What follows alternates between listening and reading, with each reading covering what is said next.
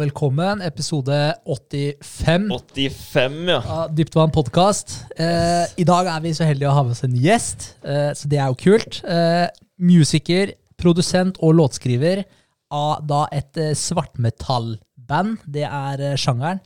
Bandet heter eh, Mork. Er det Mork eller er det Mork? Eh, jeg, pleier, på. jeg pleier å si mork. Mork, ja. Mork.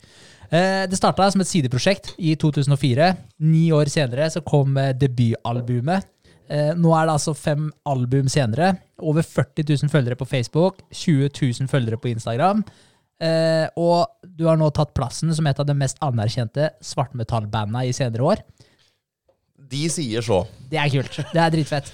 Så, og det som også er uh, intet mindre enn imponerende det er at I april så spilte du både i Oslo og i München, og videre i 2022 så har du en ganske imponerende turnéliste, bare for å ramse opp noen av stedene du skal spille. Wacken, Tyskland. Eh, Piskovic, Polen. Sao Paulo, Brasil. Montevideo, eh, Uruguay.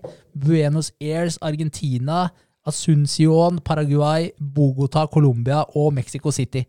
I tillegg så driver du en podkast som er på episode 20, nei, 31, og har en nettbutikk ved siden av. Så Thomas Eriksen, velkommen til Dypt vann. Velkommen. Tusen takk. Det er deilig å være på dypt vann. Det er godt. det er godt. Litt på kanten. Ja, det er bra. Ja, men eh, Spennende. Det her Ja. er jo ikke akkurat en eh, sjanger som, eh, som vi er så vane med. Men altså Eller jeg har, eller jeg har faktisk, det skal sies, jeg har hørt på, på litt sånn eh, Jeg hørte på Children of Doom Ja. og Cradle of Hill. Absolutt relaterte eh, familiemedlemmer, det, altså. Ja, det er det. ikke det, er det ja. så, så det er bra. Men, eh, men eh, hvordan starta det? Hvordan eh, Kan du fortelle litt? Altså, når, når var det du uh, starta med musikk, og når var det du kom inn på sjangeren svartmetall? Nei, vet du hva. Jeg starta jo med musikk i 1997. Fikk vel jeg min første elgitar. Da var jeg 13. Ja. Eh, og da var det jo basically punkrock fra 70-tallet. Sex Pistols hovedsakelig, da. Ja. Som fikk meg til å Oi, jeg har lyst til å spille i band og spille gitar, liksom. Mm. Så jeg starta der. Og rundt samme moment, ikke lenge etterpå, altså det var vel i 98, tror jeg, så starta vi et Halden-band som heter eh, Eller het Pale Kids.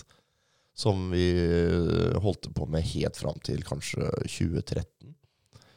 Og vi var jo, det var en reise i seg sjøl, det. Vi var jo Vi var faktisk ganske banebrytende flere ganger i løpet av den korte, eller lange karriera der, med sjangere. Som for eksempel når pop-punken var, var stor i USA, da, så var vi en av de første som gjorde det her. Ja. For eksempel. ja, ikke sant? Og så videre. Vi, vi, vi jaga liksom amerikaniserte sjangere, da. Ja. Og på grunn av det så fikk vi jo en del oppmerksomhet. Vi var jo på topp 20 på TV. Vi, var, vi spilte på den første HV-festivalen, på hovedscena der. Okay. Spilte på Øya, vi spilte på Bylarm et par ganger. Eh, Norwegian Wood. Og ga ut en EP, da. Men jeg, det, det her begynte liksom å dabbe av etter hvert. Og så på en måte merka jeg det at det er egentlig ikke her hjertet mitt ligger. Mm. Jeg er mer interessert i mørkere uttrykk. Ja. Ikke sant? Og da får jeg gå litt, fram, eh, litt tilbake igjen, faktisk. I 2001 så var jeg med min far eh, på Roskildefestivalen. Mm. Fordi hans søskenbarn var med og jobba innafor den festivalen. Så da gikk vi rundt der backstage og overalt. ikke sant? Og du kan tenke, Da var jeg 16. Det var bare helt topp. ikke sant? Og da det, gikk jeg gjennom pro- programmet, da, og den gangen hørte jeg hovedsakelig på liksom Iron Maiden og Metallica. og ikke sant? Jeg hadde utvikla meg til litt mer metal. da. ACDC og og så prøvde jeg å finne metallband på den uh, programlista, og da så jeg at Mayhem skulle spille på en av de scenene. Uh, og da bare Å, det hørtes kjent ut. Det er metall. Men det hadde jeg aldri hørt ekstremmetall eller black metal før. Mm. Så da sto jeg på sida av scenen der sånn, med munnen åpen og bare Hva er det her for noe? Ja. Vet ikke om dere kjenner til Mayhem? Nei, jeg Nei, jeg gjør ikke det. Det er, det er verdens mest kjente black metal-band. Ja, Ah, ikke sant? ok. De på en måte er de som la grunnsteinene, mener de. da. Ja. Mm. Og det er kontroversiell historie. Det, det var drap og kirkebrannopplegg. Det, det, det, det er det verste du har hørt, da. Og alle ja. ryktene Ja. kommer liksom fra den gjengen. Ok, ja. Men eh, det er ekstrem musikk. Og de har lagt eh, det her eh, kontroversielle bak seg, selvfølgelig. De er jo vanlige folk i dag som bare spiller musikk. Men det, var, det er også ekstremt høy hastighet og skriking, og det var piggtråd, det var grisehuer på påler. Ja, vi er der, Og han, liksom. Han kutta seg mens han var på scenen, han som sang. Og, og som sagt, det her har aldri jeg vært borti før. Jeg bare Hva i alle dager? Ja, 16 år opplever Ja, den eh, for første gang Jeg, tror- jeg tror kanskje jeg har sett en eh, film om det der. Altså, Ja, vet du hva? Lords of Chaos kom Ja. ut for noen, ja, et par år siden. Ja, Det er en film om den historien. ja ikke sant? Amerikansk film. kirker og Ja. alt mulig. Mm. Ja, stemmer det. Og så er det masse dokumentarer om det. Det var blant annet en NRK fullsatsing nå for et par år siden som het Helvete. Som var i et par-tre episoder, tror jeg. Ja.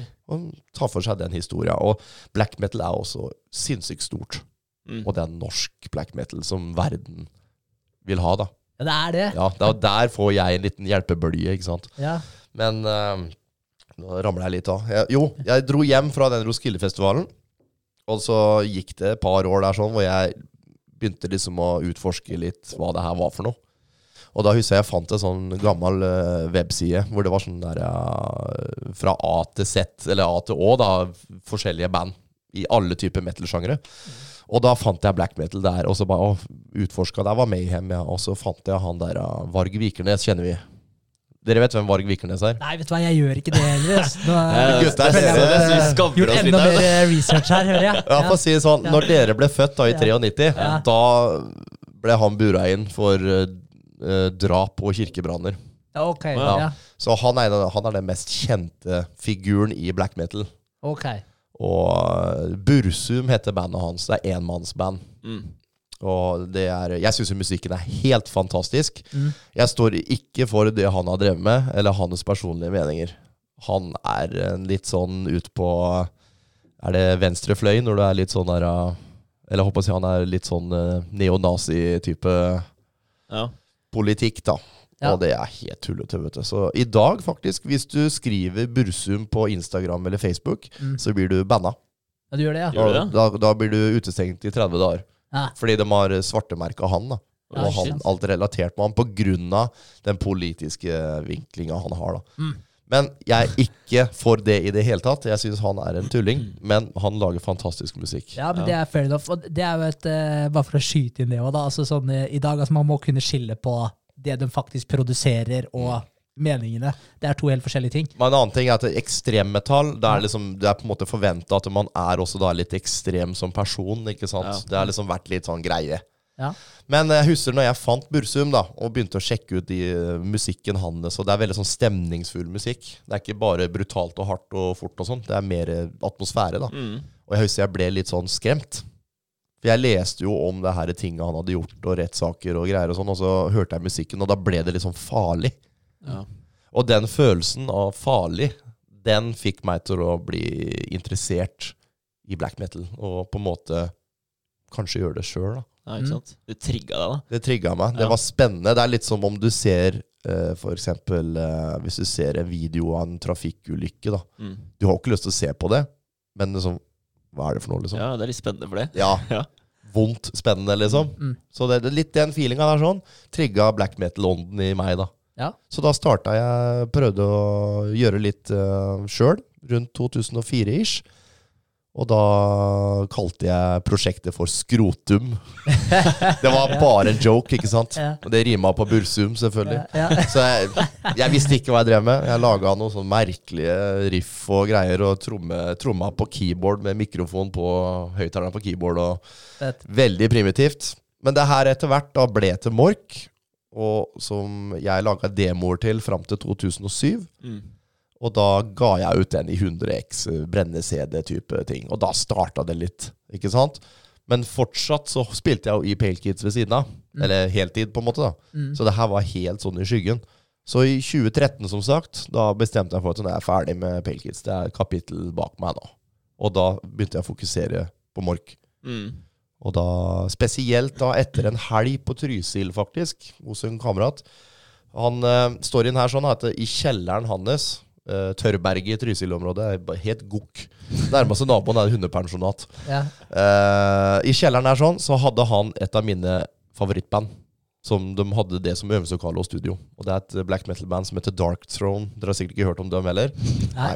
Det er et veldig viktig band. Ja, Ja. Og snille gutter. De har aldri gjort noe spesielt gærent, men de har fantastisk musikk. Okay. Og jeg var inne i det rommet og husker jeg så på trommene deres og gitaren deres og tok på veggene. Og jeg kjente det igjen fra sånne type dokumentarer om dem. da, Ja. Det rommet. Og da dro jeg hjem fra den helga, og så spilte jeg inn den første Mork fullengderen som heter Isebakke. da. Mm. Ja. Den spilte jeg inn på en uke deretter. ja, ikke Og da var vi i gang. Og da gikk det bare Ja, det gikk vel faktisk nesten to år, øh, i hvert fall halvannet, hvor jeg, før jeg stabla et liveband på bena. da. Ja. For da tenkte jeg det her er det jeg skal drive med. Jeg skal spille black metal. Og det vil jeg gjerne gjøre på scenen også. Ja, ja. Fett. Så det er sånn starta det. ja, Jævlig kult. Men Ja. åssen går det med Pale Kids i dag? Er, er det fortsatt oppe? Nei, det er eller Er det er borte. Det er borte? Ja, Det Ja. dør på en måte med meg, da. Ja, Litt, på en måte. ja Så ikke det, sant? Men, men da gikk det altså over fra å ha et eh, band med x antall andre medlemmer til å starte For Mork er et ettmannsband. det er det. Det er I. I samme stil som Bursum, som jeg fortalte om, da. Ja. Ja. Så det er også litt sånn typisk black metal at folk gjør det alene. Det er litt sånn, det handler om misantropi, handler om å være litt sånn eremitt. Være litt ensom og alene. Og det passer meg helt utmerket, fordi jeg er, jeg er enebarn. Jeg har alltid lekt alene. Jeg, har, jeg skal ikke skryte på meg noe, men jeg har god fantasi. Jeg har full visjon av hva jeg vil ha. Så jeg er liksom ikke avhengig av noen i det hele tatt, da. Mm. For å produsere det jeg gjør. Så det, det er helt nydelig. Og guttene som er med i bandet med meg, de, de har ikke noe stor trang til å være kreative i Mork heller. De syns det er kult å dra på veien, Mm. at vi deler det her opplevelsene vi får på veien. da. Mm. Er, de er mer, mer på den biten der. For, for, da, for da sikter du til at de er med deg når du er på turné, men de er Ja. ikke med å Ikke i studio. Ikke i studio. Nei. Så i studio så skaper du alt sammen sjøl, men Yes. live så har du med deg dem som en eh, støttespiller. Ja, der er vi jo et fullt band, og alle har, eh, har like stem, lik stemmerett da, når det kommer til settlister, om vi skal spille her eller der. Mm. Alle bestemmer over livebandet Mork, Mm. men det sjølve musikken og kunsten, det er det jeg som står for. Ikke sant? Mm. Fett. Ja, det er sjukt fett. Ja. Det, det, det blir litt sånn ego-trip. Ja. Altså, hvordan er eh, livet på altså, turné, da? Det er jo det det er. Altså, du reiser jo overalt. Hvordan, Det er- hvordan er det? Nei, det skal sies, vi har egentlig ikke turnert noe særlig. Nei? Vi har spilt over hele verden, så å si, men ikke turnert sammenhengende. Ok. Det har vært mye sånn one-off, uh, in-ut-greier. Mm. Vi har vært på, nei, hvis ikke jeg ljuger nå, to turneer har vi vært på. Vi var uh, første Ok, når jeg ga ut Isebakken, den eh, som jeg fortalte om, første debutplata mi da, eh, til Mork, da havna den på Jeg promoterte den på YouTube og litt sånn diverse, ikke sant. Og Facebook. Og, og da husker jeg at dere, jeg ble kontakta av noen sånne små plateselskap fra her og der. Mm. Og det var kult, ikke sant? for platekontrakt det er noe alle drømmer om. Og da husker jeg det var ett et eh, label da, fra Canada, fra Quebec, altså det fransktalende Canada, som eh, viste meg interesse. Og jeg bare ja, faen, vi kjører på.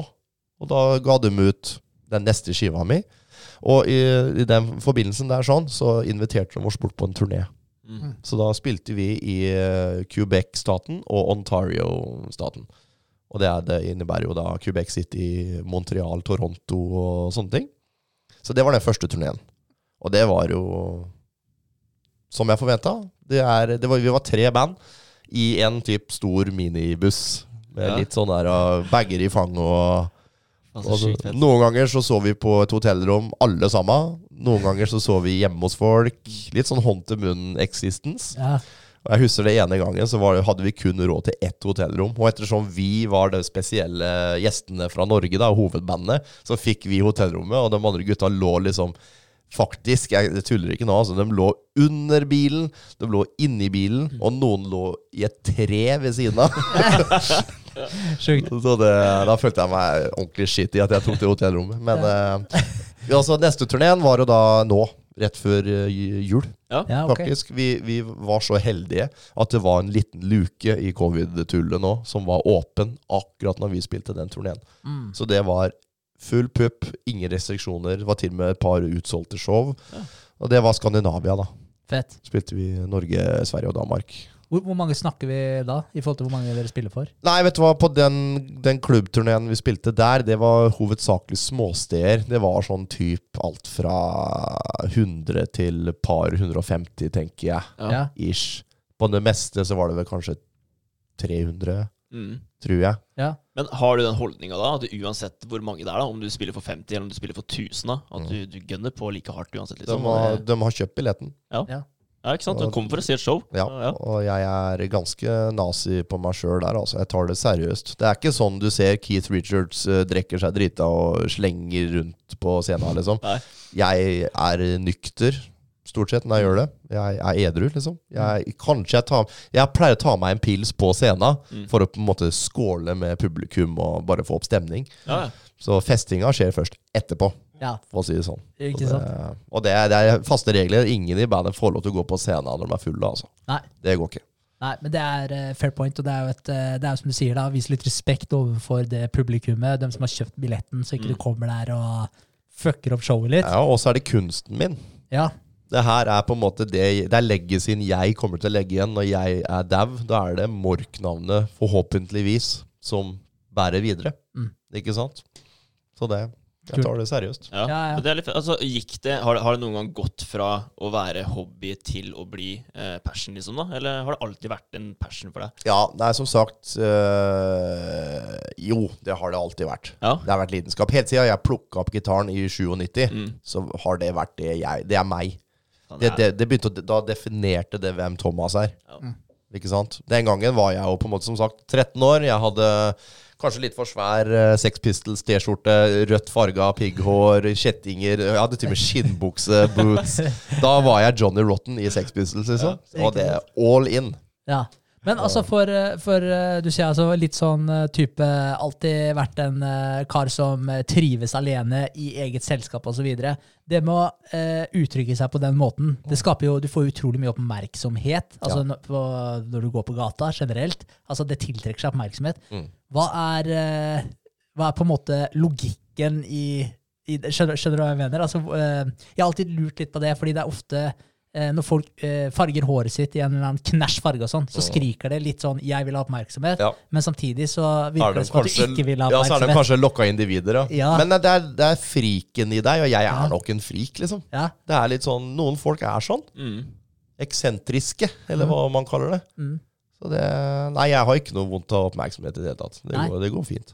Når, eh, når det kommer til det med oppmerksomhet òg, altså det med, det med å bare ja, prestere på en scene, det med bare stå på en scene, synge, spille, fremføre for noen. Mm. Eh, hvordan har det vært sånn eh, nervemessig? Har du, har du hatt noe sceneskrekk? Og, og eh, ja, når, når var på en måte første gang du opptrådde? Det var det sikkert med de Pale, pale Kids? Nei, det var faktisk eh, Det var, det var faktisk eh, i momentet Pale Kids starta, men med noe annet. Jeg meldte meg på Ungdommens kulturmønstring Ja. med søskenbarnet mitt. Mm. Og så fikk vi en innleid trommis, en eldre fyr, som hjalp oss. da Og da spilte vi en Sex Pistols-låt på Remmenaulaen. Ja. Den gangen det var. Jeg vet, tror kanskje den er borte nå. Men Ja. eh, det var stor, stor sal ikke sant? med masse foreldre og folk og kids.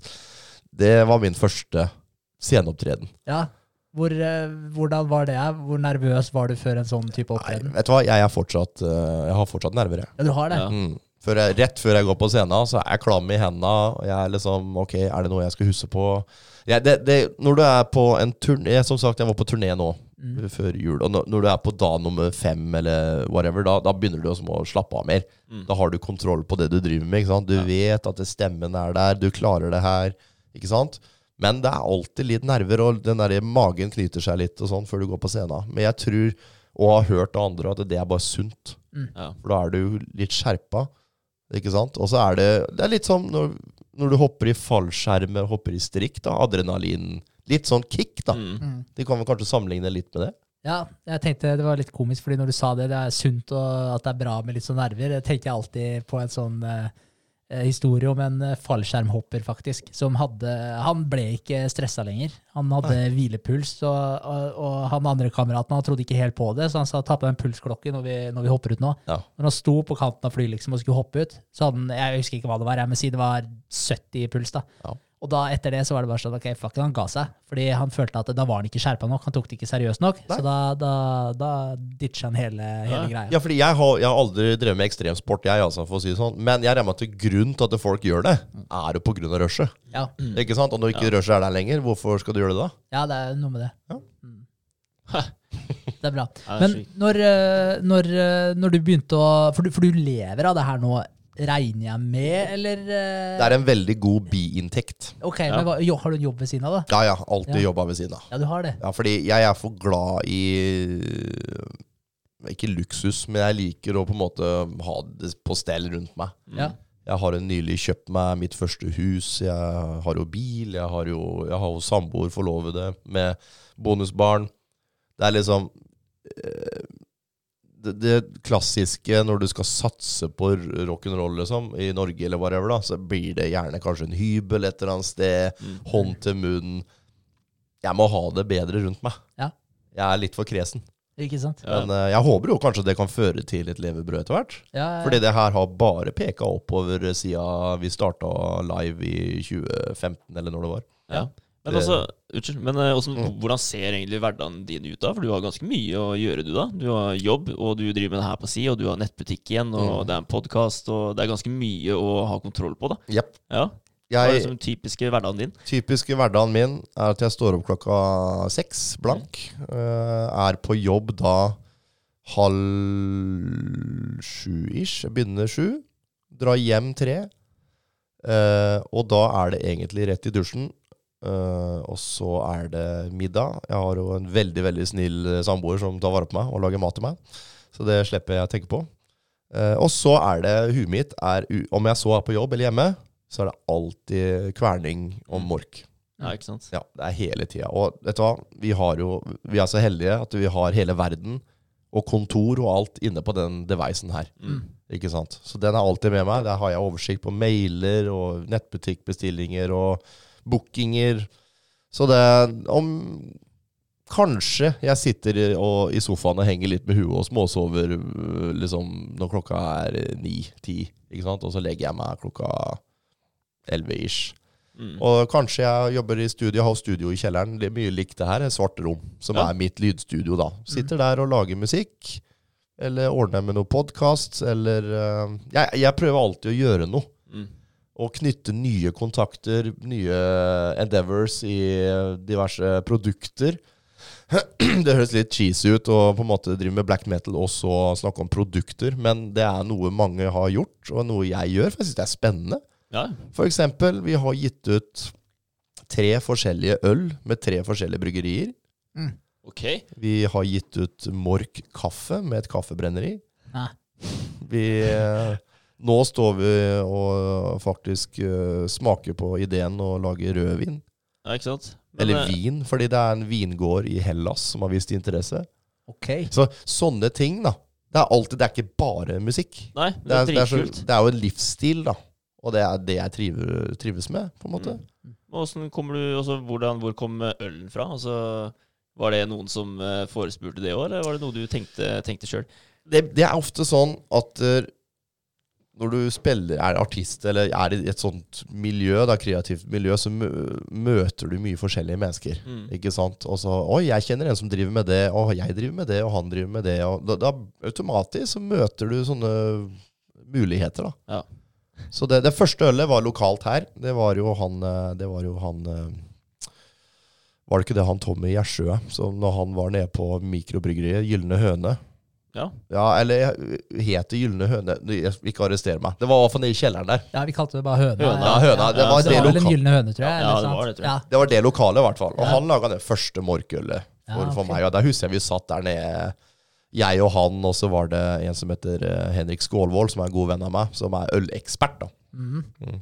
Og han, eh, vi satt der nede og lima på etiketter på flasker, og det var kult. ikke sant? Fett. Og neste ølet var med en som heter eh, De kaller han for Kjell Pop. Han spiller i um, Ja, ikke sant? Er det Onkel Tuka han er i? ja? Tror jeg. Han driver bryggeri i Oslo og et Mm. par puber på Grünerløkka som heter Grünerløkka Brygghus.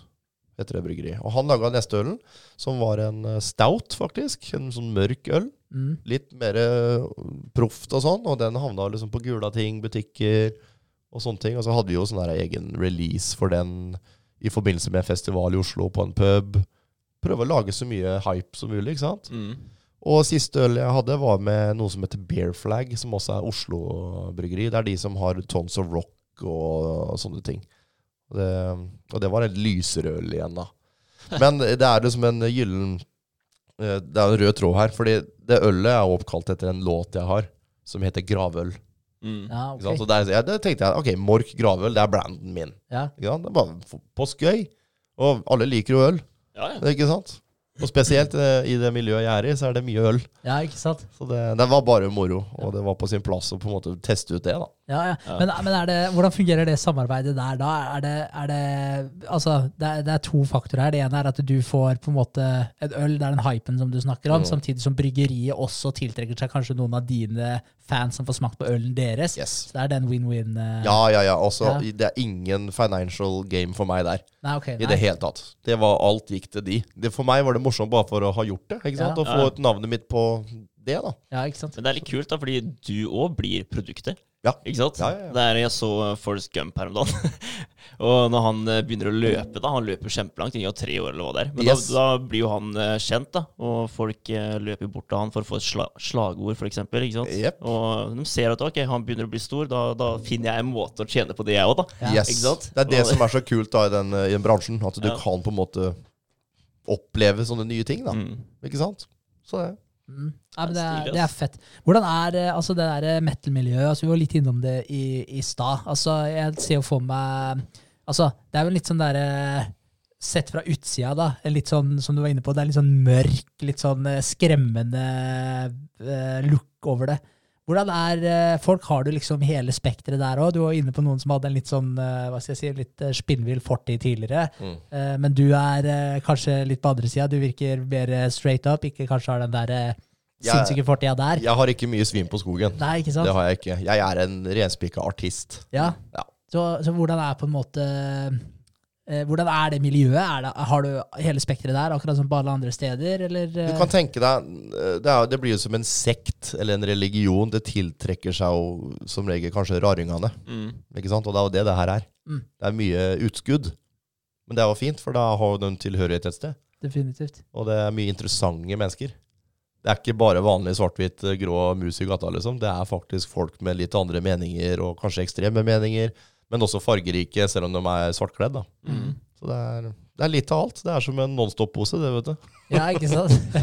ja, men det er kult. Men Jeg husker jo jeg hørte på som sagt, Cradle of Filth og, og Children of Doom, men det, men det var kanskje litt der det stoppa. Jeg har hørt på Murder Dolls òg. Ja. Men, eh, men det jeg alltid var også litt fascinert over da jeg hørte på det, jeg har alltid hatt en sånn ganske bred eh, smak på musikk. Jeg hører på alt fra klassisk, som sagt. Jeg kan godt høre på noe metal òg, ikke at jeg hører på så veldig mye det om dagen. Mm. Eh, men rap og altså, egentlig bare så lenge det er bra musikk, så er jeg egentlig fornøyd. Da er vi på bølgelengde, fordi jeg liker også musikk. Ja, Mm. Er det en god, kul låt, så er det en kul låt. Ikke Liksom. Ja. Og jeg, jeg, jeg er for gammel. Jeg har sikkert vokst fra meg det her nisjegreiene. At det må være det og det. Ja. Nå er jeg jo, blir jo 38 år nå om en drøy måned. Mm.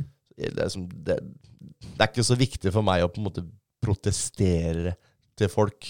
At nei, fuck off, fordi du liker ikke det jeg liker. Liksom, og ah, det er drittband. Det, jeg har ikke tid til det der. Nei, Jeg, må på en måte, jeg liker det jeg liker. ikke sant? Det er, Guilty eh, pleasures uh, Guilty included. pleasures, ja. Ja, ja, men det er jeg helt innafor. Støtter den. Uh, men i forhold til det her med den derre skrikinga, hvordan i helsike fungerer det å gjøre det over x antall sanger? Ja. Altså bare hvordan, hvordan Ja, ja, fungerer det med stemmebåndet? Nei, for å si det sånn, jeg har jo med, med mange, mange år med Pelkit, så har jeg kun sunget clean. Jeg kan jo synge vanlig også, ikke sant? Ja. Og det er mye mer slitsomt og krevende enn den skrikinga. Ok. Ja, ja, ja. Det er overraskende nok så har jeg, har jeg en teknikk som det, om det går bra, liksom. Ja. Og det kan jeg gjøre nesten i alle former, eller åssen jeg føler meg. Jeg, det funker som regel, da. Mm. Som er en fordel. Jeg husker med Pale Kids, så var det sånn at noen ganger så Å, faen, i dag har jeg en dårlig dag med stemmen, og det var helt krise, liksom. Mm. For det, det jeg sang jo ganske høyt register, Ja. som jeg pusha veldig, da. Og litt skavank i stemmebåndet da, så blir det dårlig, liksom. Ja. Så det er mye safere for meg å skrike og gape, faktisk. Ha, veldig sånn counterintuitive. Veldig, Men, Du er, veldig. du er skapt for det. Ja, jeg tror nok det. Det er en demon inni meg som skal ut.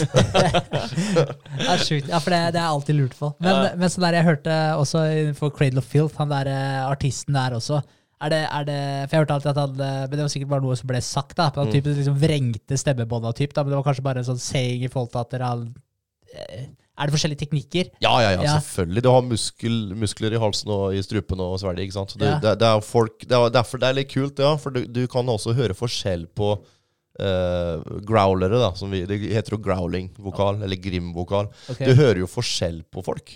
Du kan høre at det er meg da, som synger. Ja, ikke sant? Og så kan du høre at det er han der Danny Filth som du snakker om i Cradle of Filth. Du hører med en gang at det er han. Mm. Og det samme gjelder jo han, eh, han Stian i Dimmu Borger. Du hører at det er han med en gang.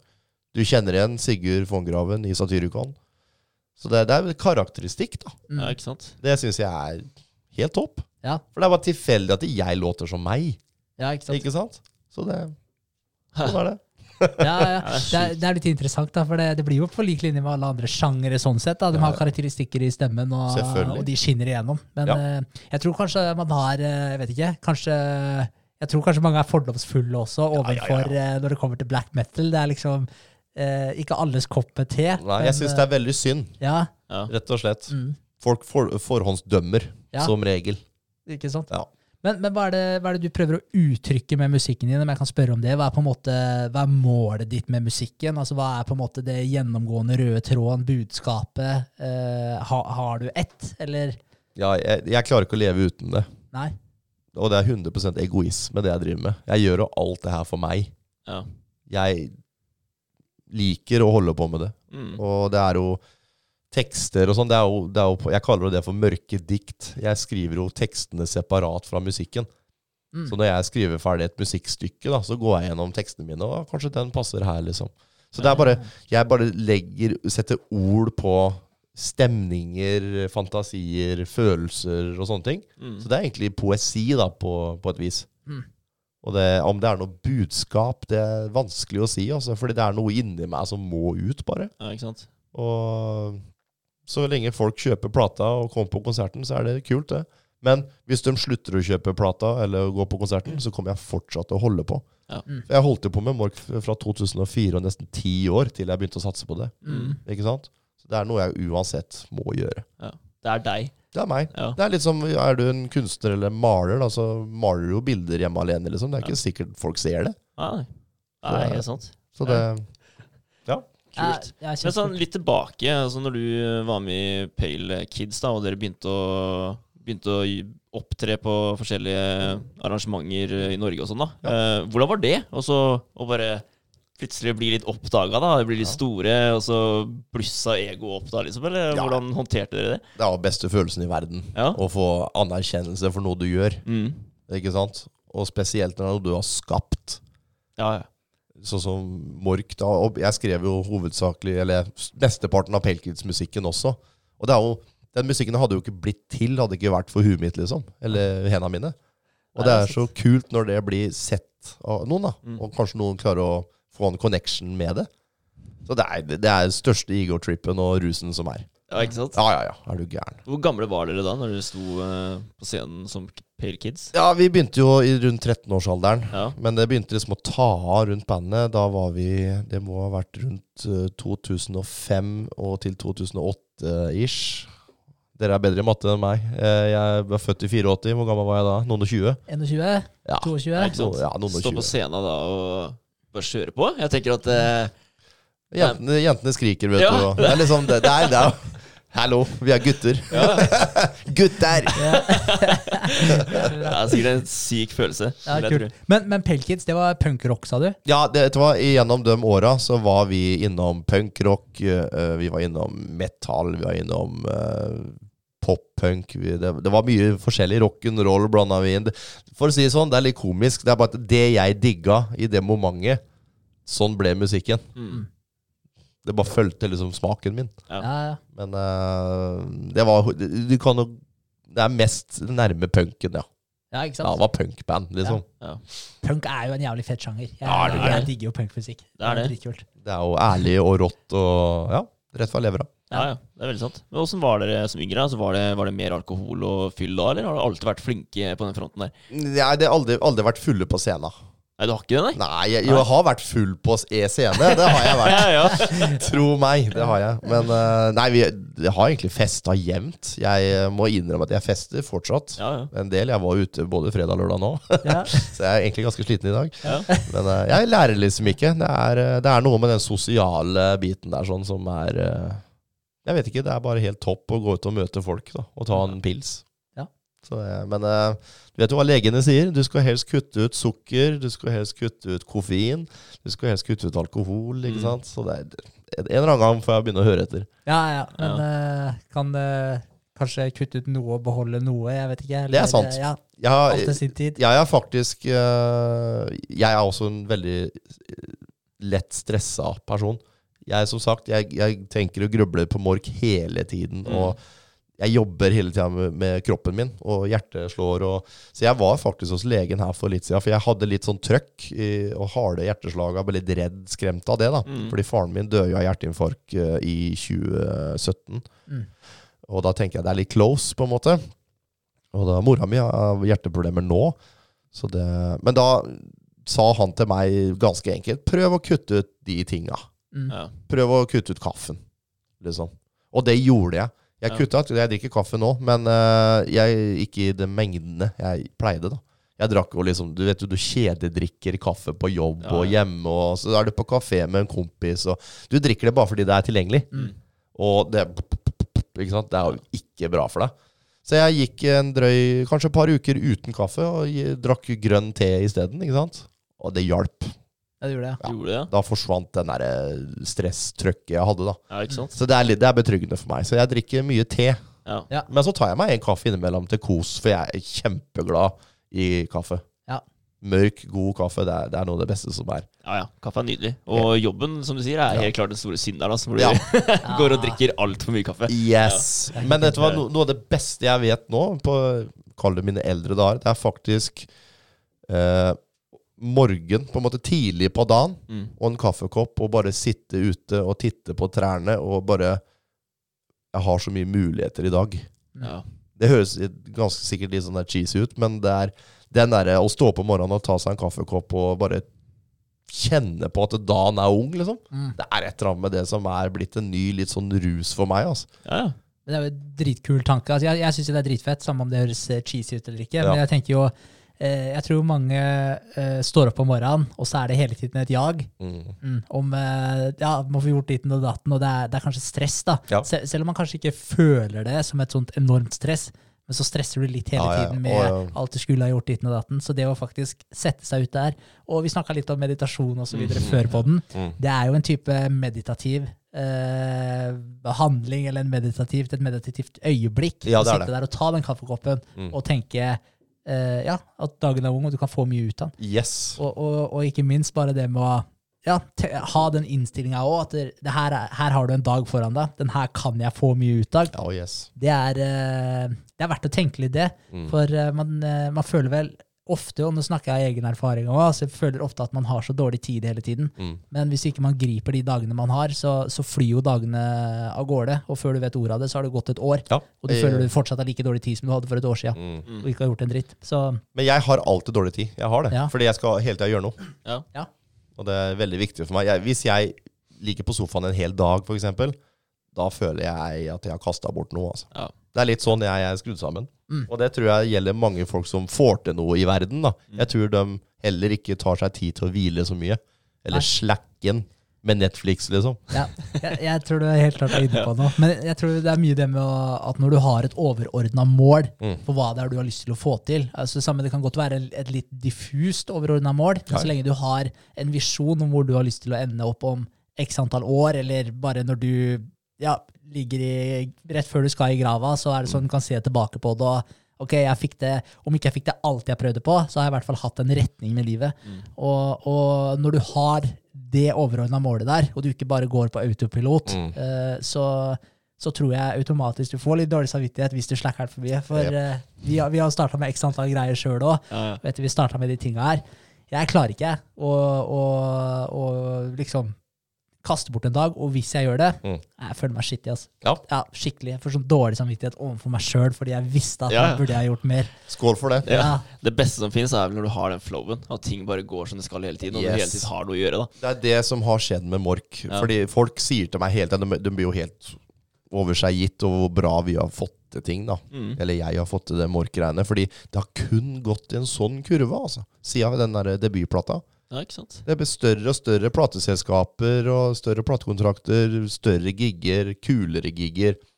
Vi får sett verden. Ja.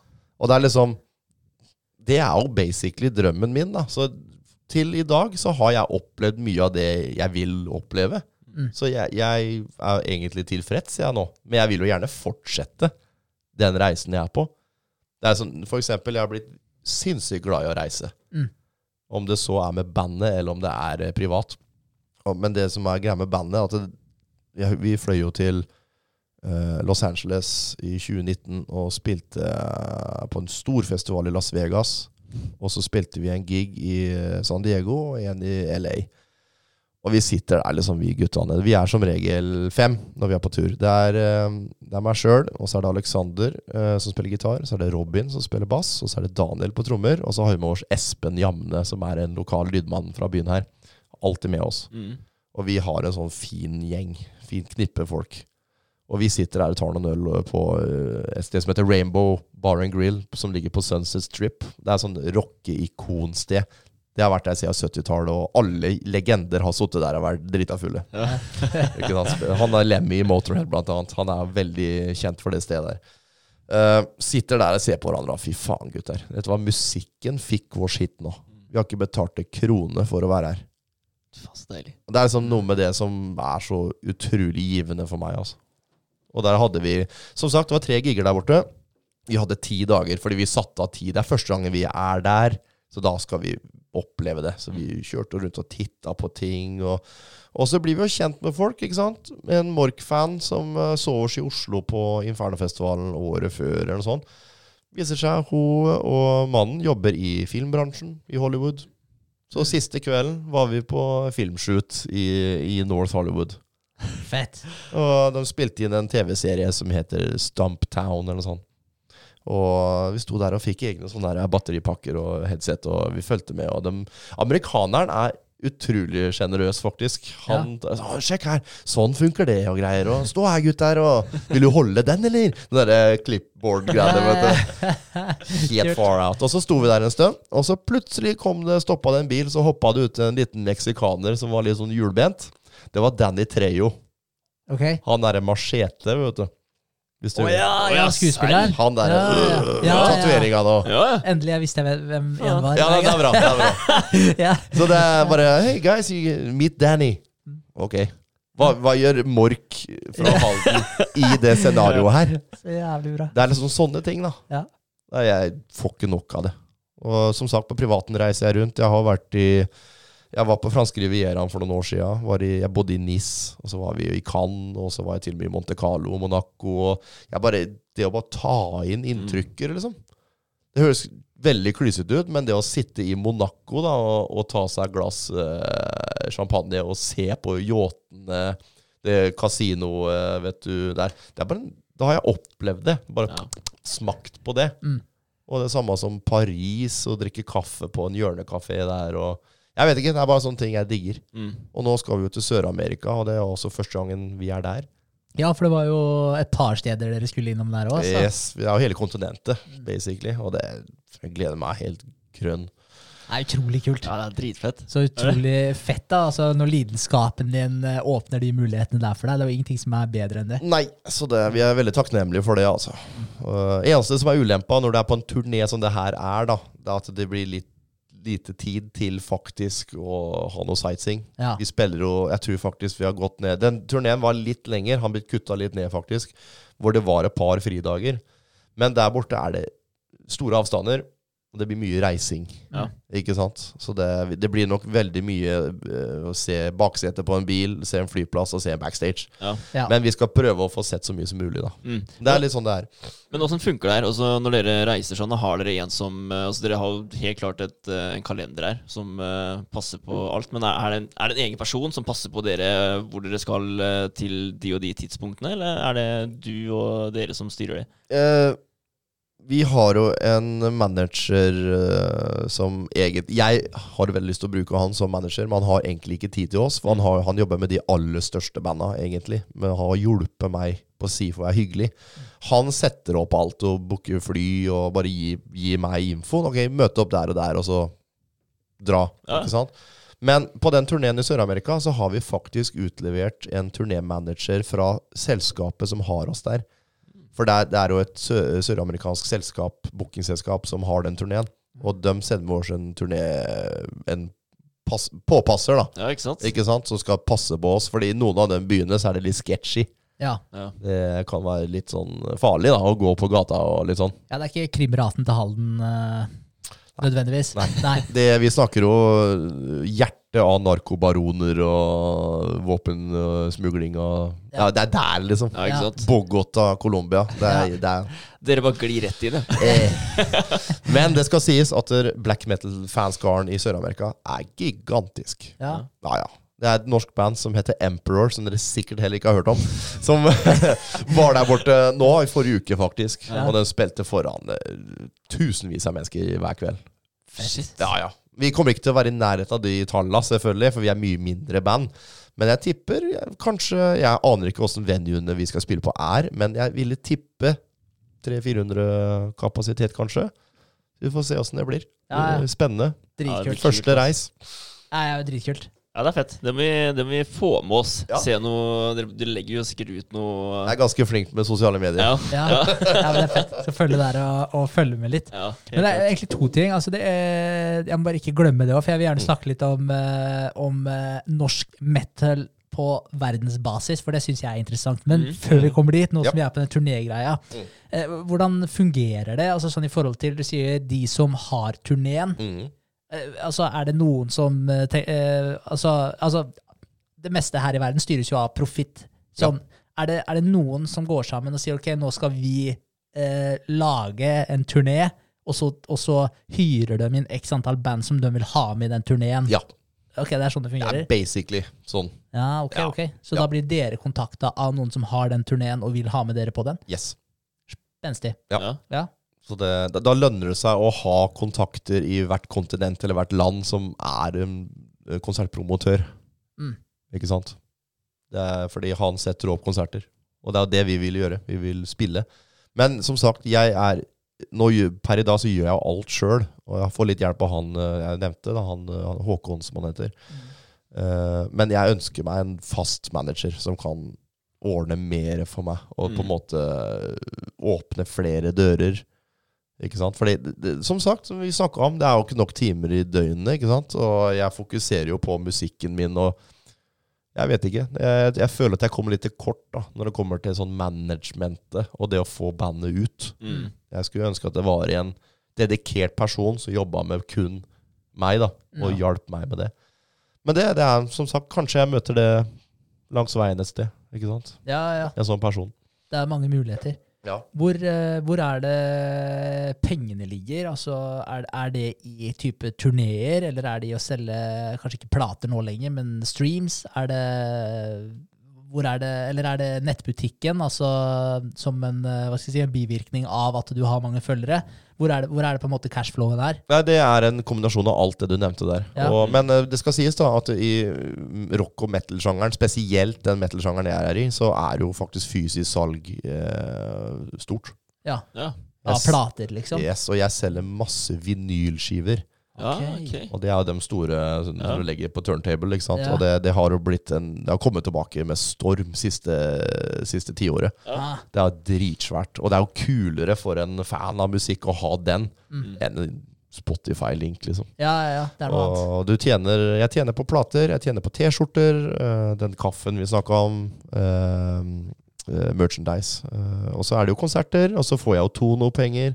To, Pub- 200 poeng. Ja, publishing, liksom. Det er, nu- hver gang jeg spiller en låt live, eller låta mi blir spilt på radio, eller sånt, Ja, okay. så får jeg automatisk betalt Ja. for det. Mm. Uh, så det er egentlig der pengene er, altså. Og det, det er en grei slump med penger, men det er ikke nok til å leve av, på en måte, da. Nei, ikke sant?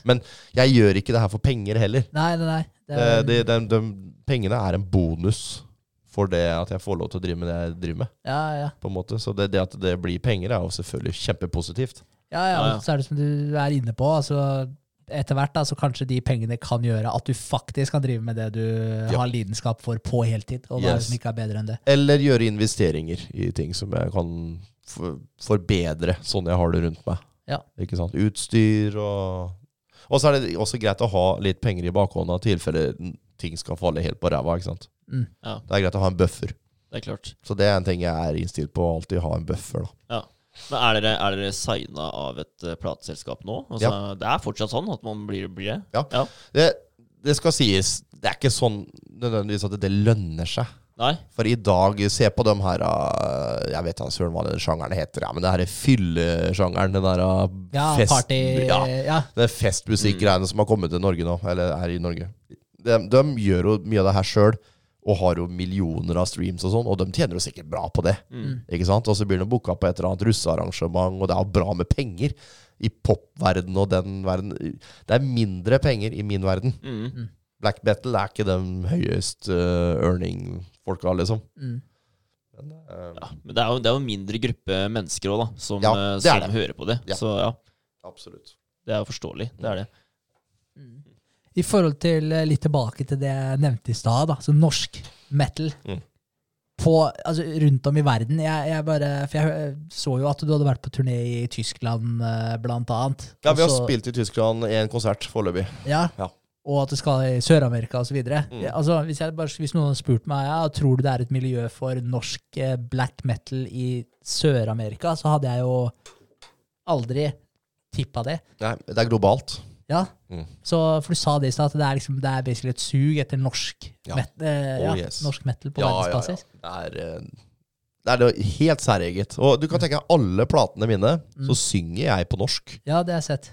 Og folk sitter jo i utlandet og lærer seg norsk, og det er liksom Altså, jeg, som sagt, jeg driver den webbutikken også, hvor jeg på en måte får inn eh, får T-skjorter og sender ut plater. Og, og da ser jeg automatisk hvor folk kommer ifra, for jeg Mm. sender opp pakkene òg. Og det jeg får jo fra alle hjørnene. ikke sant? Det er jo helt insane. Jeg husker det var en gang jeg fikk bestilling fra et land jeg ikke hadde hørt om.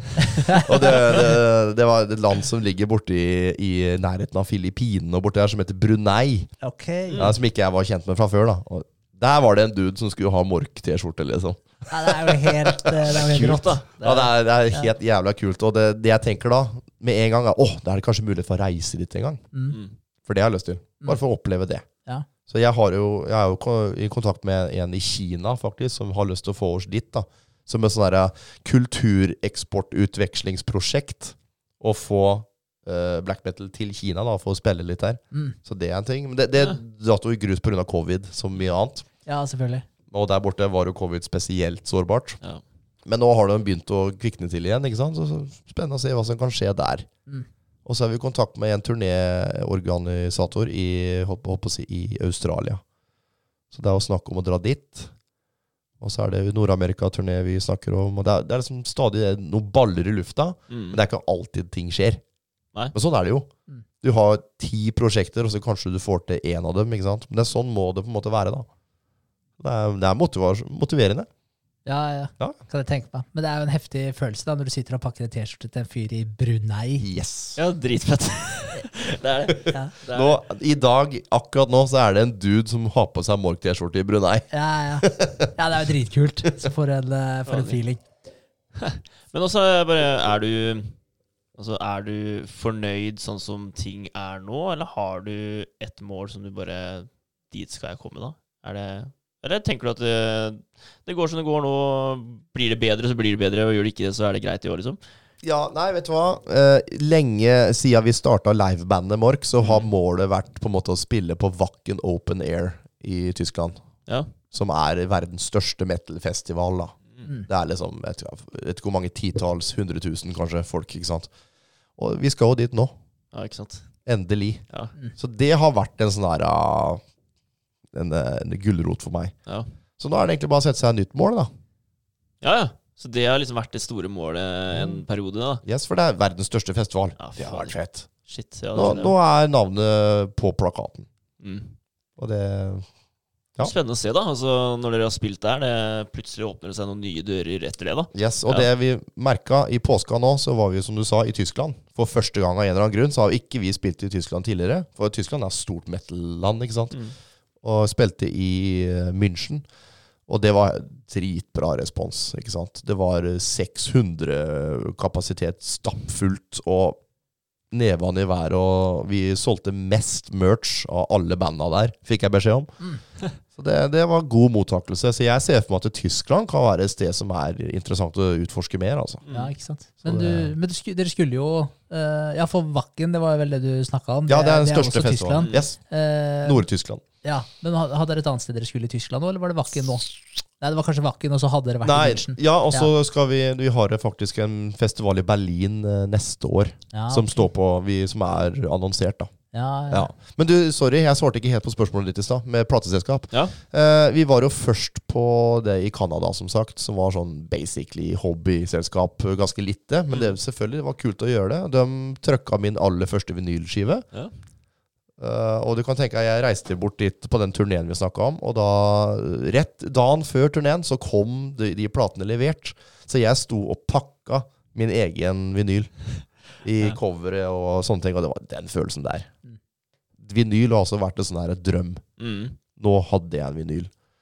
Men så gikk jo tida, bandet ble større, fikk interesse fra større selskaper, og da snakker vi de største i den sjangeren. Det er, eh, for å nevne noen, da, så er det Century Media, eh, og så er det noe som heter eh, Seasons of Mist, og så er det et selskap som heter Nuclear Blast, og så er det et selskap som heter Peaceville Records. Mm. Sistnevnte havna jeg på da. Det er britisk selskap Ja. som har holdt på siden 80-tallet. Mm. Så det er jo rutinert og ordentlig. Så er, hvert kvartal så får jeg på en måte royalty statement og betaling fra de. ja, ikke sant? Og de gir ut alt av platene mine nå. For nå har jeg Folk sier til meg at jeg ikke er så lur, men jeg har, eh, jeg har solgt rettighetene til platene mine til de. Mm. Så de eier platene mine. Så jeg kommer aldri til å kunne tjene 100 sånn som disse her uh, raggarlåtfolka gjør, da. Mm. Som gjør det sjøl. Så jeg, jeg tjener mindre penger. Mm. Men det er noen som styrer det, og dem Ja, gutter, hør her. Vi var i LA, som sagt. Og så var vi på et sted som heter Amoeba Records. Ja. Det, er, det er en veldig veldig kjent platebutikk. Går du på YouTube, så har de sånne eh, videogreier hvor det er kjente artister som går rundt på Amoeba Records og anbefaler plater. Mm. Uh, der fant jeg plata mi, liksom. ja, ikke sant? Det, plata mi er tilgjengelig globalt. Ja. Åssen var den følelsen da? Det Komme dit og bare se sin egen plate? Det var Ja. helt rått. Sinnssykt. Ja. Spesielt når du var der for å spille din musikk også. Og så, Ja. oi, der var den. Der, da sto planetene litt på rekka. Altså. Ja. Det er liksom Det er helt bisarr. Li, li, lille meg fra Halden. Mm. Så det. det er eh, det, Så på den måten så liker jeg å ha plateselskap som ordner det for meg, da. Ja. Og så er det bare den følelsen at du- er signa, liksom. Det, det, det har vært en drøm for mange, det. Mm. Mm. Men var det de som tok eh, kontakt med deg da òg, eller? Nei, vet du hva? Det skal sies at et par andre labeler av de største som jeg nevnte, tok kontakt med meg, faktisk. Men de tilbød meg ganske dårlige dealer. Mm. For det er mye lureri, vet du. Og de vet har seg, De utnytter små band som vil nå oppnå noe, ikke sant. Mm. Og det er, de har noe som heter 360-dealer. Hvor de skal ha en cut av merchen din, og det er liksom helt tullete. Ja, ikke Ikke sant? Men de her i Peaceville de eh, skal kun eh, ha eh, sin andel av salget av fysisk plate, selvfølgelig, og streaming og sånne ting. Men de er så Hvis jeg får lov å banne her Det er bare ja, på. Jævla kult, fordi de lar meg selge platene på min egen webshop Mm. til hvem pris jeg vil, og de hasler ikke med meg i det hele tatt. Nei. De gir meg så jævla mye frihet, og det setter jeg pris på. Mm. Mm. Og så Jeg oppsøkte de, fordi det er, sånn, det er, en, det er en label med masse kred i bransjen og i black metal-verden. Det er liksom stort å få oppmerksomhet fra dem. da Og jeg nevnte bandet Dark Throne i stad. Det er et av de mest populære black metal-banda ever. Mm. Og de har så sinnssykt mye cred. Og det er en duo. Det er to folk. To nordmenn. Og han ene, Jeg har blitt kjent med de, da. Og han ene der, øh, de er jo på Peaceville Records. Og han hjalp meg litt der, sånn. Og han har vært litt sånn, gitt meg litt råd og sånne ting. Han som synger og spiller gitar i det bandet. Så han øh, har egentlig sagt til meg det, at um, Nei, vet du hva, bare selg skivene til dem. Og ikke gi ut på noen andre label. Bare sørg for at dem får alle skivene dine, så du har en hel katalog hos dem. Mm. Fordi da bygger det seg mer og mer og mer og mer gjennom åra. ikke sant? Og hvis det kommer en ny Mork-fan eh, nå til uka, da, så har han faktisk eh, nesten Ja, vi har jo eh, fem album, og så har vi noen EP-er. Så han kan jo kjøpe alle dem. ikke sant? Mm. Så da brått så blir det generert litt mer inntekt, da. Mm. Så det, jeg, tar, jeg rådfører meg jo med de gutta som har peiling og har vært i gamet lenge.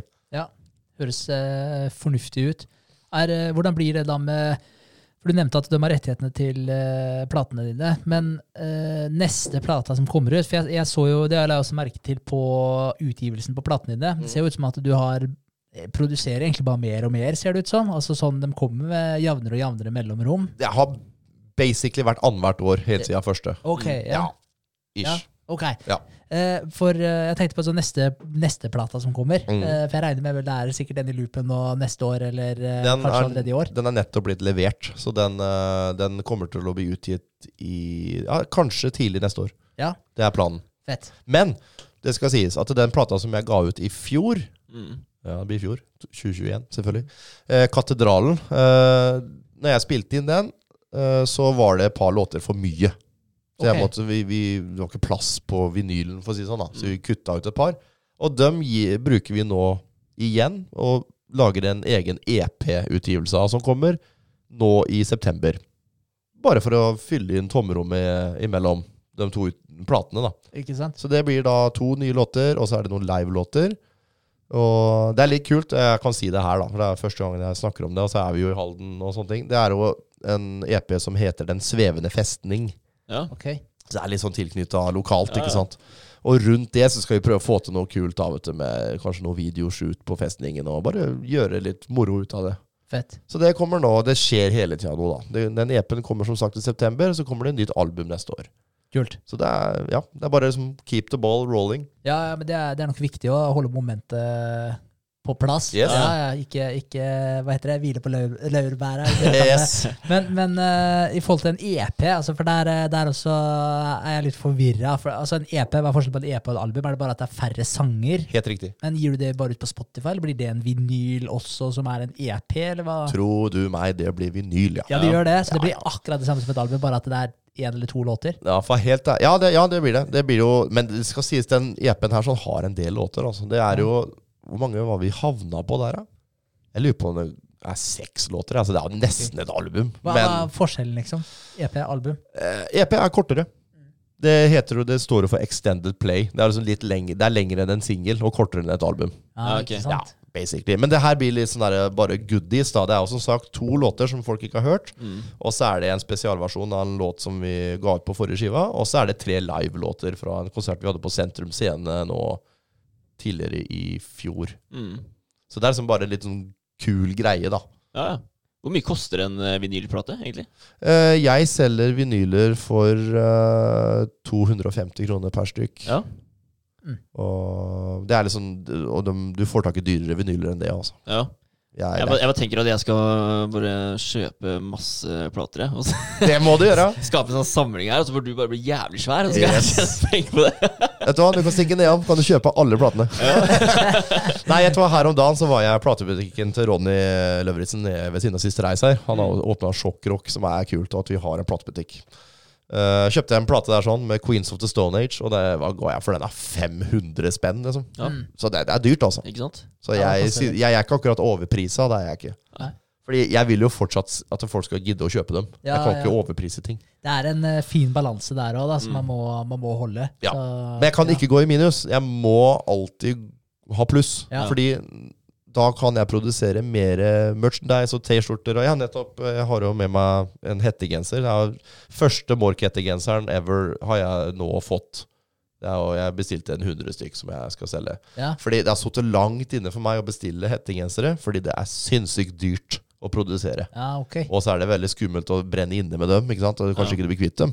Mm. Fordi jeg punga ut liksom 20 000 for dem. Ja.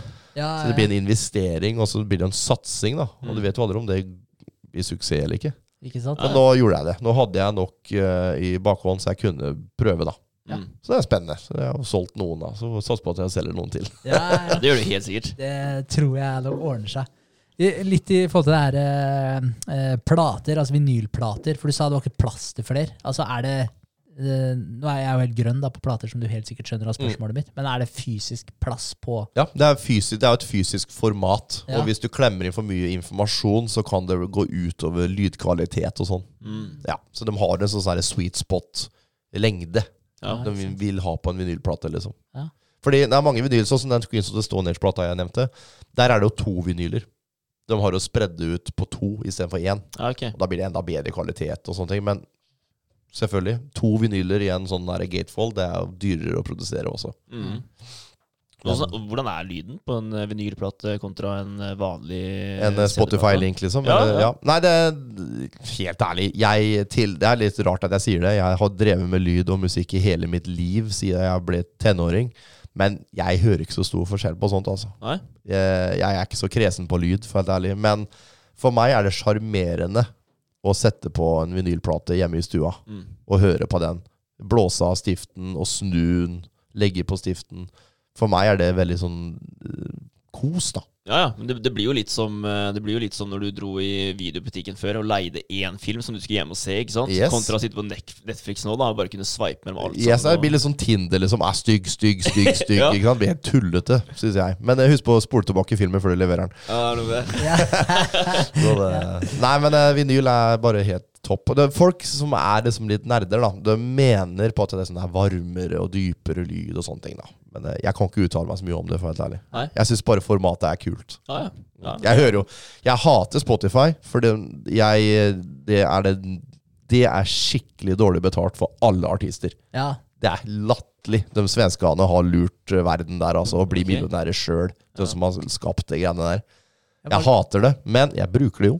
Ja, ikke sant? Det er praktisk. Ja, det er det. Men Mm. var det ikke Taylor Swift for noen eh, år siden som eh, gjorde litt opprør mot det der, og tok vekk alle sangene sine fra Spotify, mener jeg. Men, ja. men jeg tror det er tilbake igjen, da. Ja, men eh, nå nylig så fjerna Neil Young all musikken sin fra Spotify. Ja, det var litt sånn protest i forhold til den Joe Joe Rogan. Rogan-opplegget. Ja, stemmer yep. det. Ja. sant. Yep. Eh, men eh, jeg tenkte på eh, ja, Spotify generelt. For jeg, jeg, jeg eh, var eh, Jeg studerte i Skottland eh, og hørte på Da var det irsk eh, Nei, eller skotsk folkemusikk.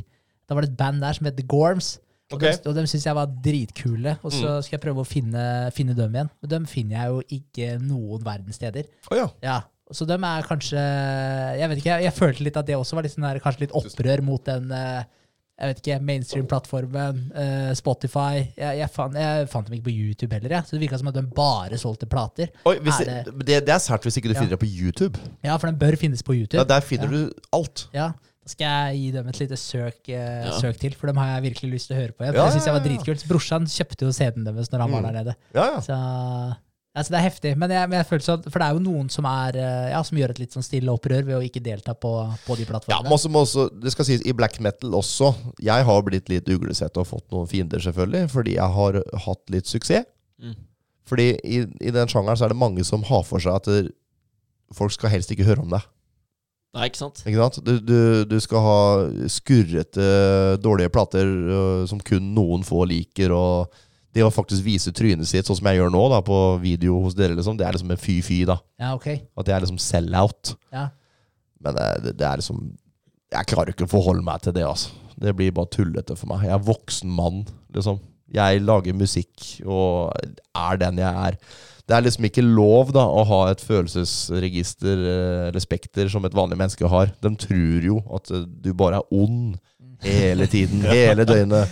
Ja. Men vet du hva, jeg føler både glede og tårer, jeg også. Så det, det, det er For å si det sånn, du, du kaller det jo true Norwegian black metal. Mm. Ekte. True er et ord som blir brukt masse og kasta rundt. At det, det bandet er ikke true, og han er ikke true, og det er true. Men vet du hva? Jeg føler at jeg er ganske true, for jeg er 100 meg sjøl. Ja. Og det er jeg også i musikken jeg lager. Sant? Så det, det er en liten sånn midtfinger til de her synserne, da, vet du. Men eh, sånn, sånn kommer det alltid til å være. Sånn er det sikkert i, eh, i miljøet deres òg, holdt jeg på å si. da, Hva enn dere driver med utenom det her. da, Så er det sikkert folk som mener ditt og datt og er uenige med deg fordi ditt og datt. Sånn er det. Folk er avhengig av å ha en formening om ting. Ja, ja, sånn er det uansett. Med- Tilhørighet. Helt sant. Det er, eh, når vi starta med podkasten her òg, det er mange som hadde meninger om det òg. Det er jo det. Men eh, man må jo egentlig bare drite i det og bare kjøre på. Ja, kjør på, Ja. som Vidar Langerud sier. Ikke Ja. at dere vet hvem det er, men det er bare å kjøre på, sier Vidar. Ja, men det er, det er veldig sant. Altså, folk har eh, meninger om absolutt alt. Men uh, det viktigste er egentlig at man eh, Ja, true det uttrykket der. Altså at du er Ja. sann mot deg sjøl. Ja, det er det jeg er, da. Ja. Og da kan de mene akkurat hva de vil. Det er noe med det. Og det er, det er jo litt, sånn der, eh, litt komisk også, at folk skal mene at det med å vise ansikt, eh, det med å ha litt dårligere kvalitet Mm. ting Altså, det er jo veldig, igjen, counterintuitivt. Det som er Eh, morsomt, jeg må bare si det. Ja, Det, det er jo black metal-band der ute som har lagt meg for hat. Og det som er så morsomt, liksom, at de, de lager jo T-skjorter sjøl. Liksom. De Ja. selger jo T-skjorter. De spiller konserter. De selger plater. De, de, vi gjør jo akkurat de samme tinga. Mm. Ja. Men av en eller annen grunn så er de mer true. Ja, okay. De selger seg jo, dem òg. ja, ja, ja. Det er jo helt tullete. Men det er jo altså til syvende og sist så er det jo Som vi snakka om i stad. Lidenskapen. Altså Hvis man skal kunne drive med de greiene her, da, så man, man, man må jo gjøre det man kan.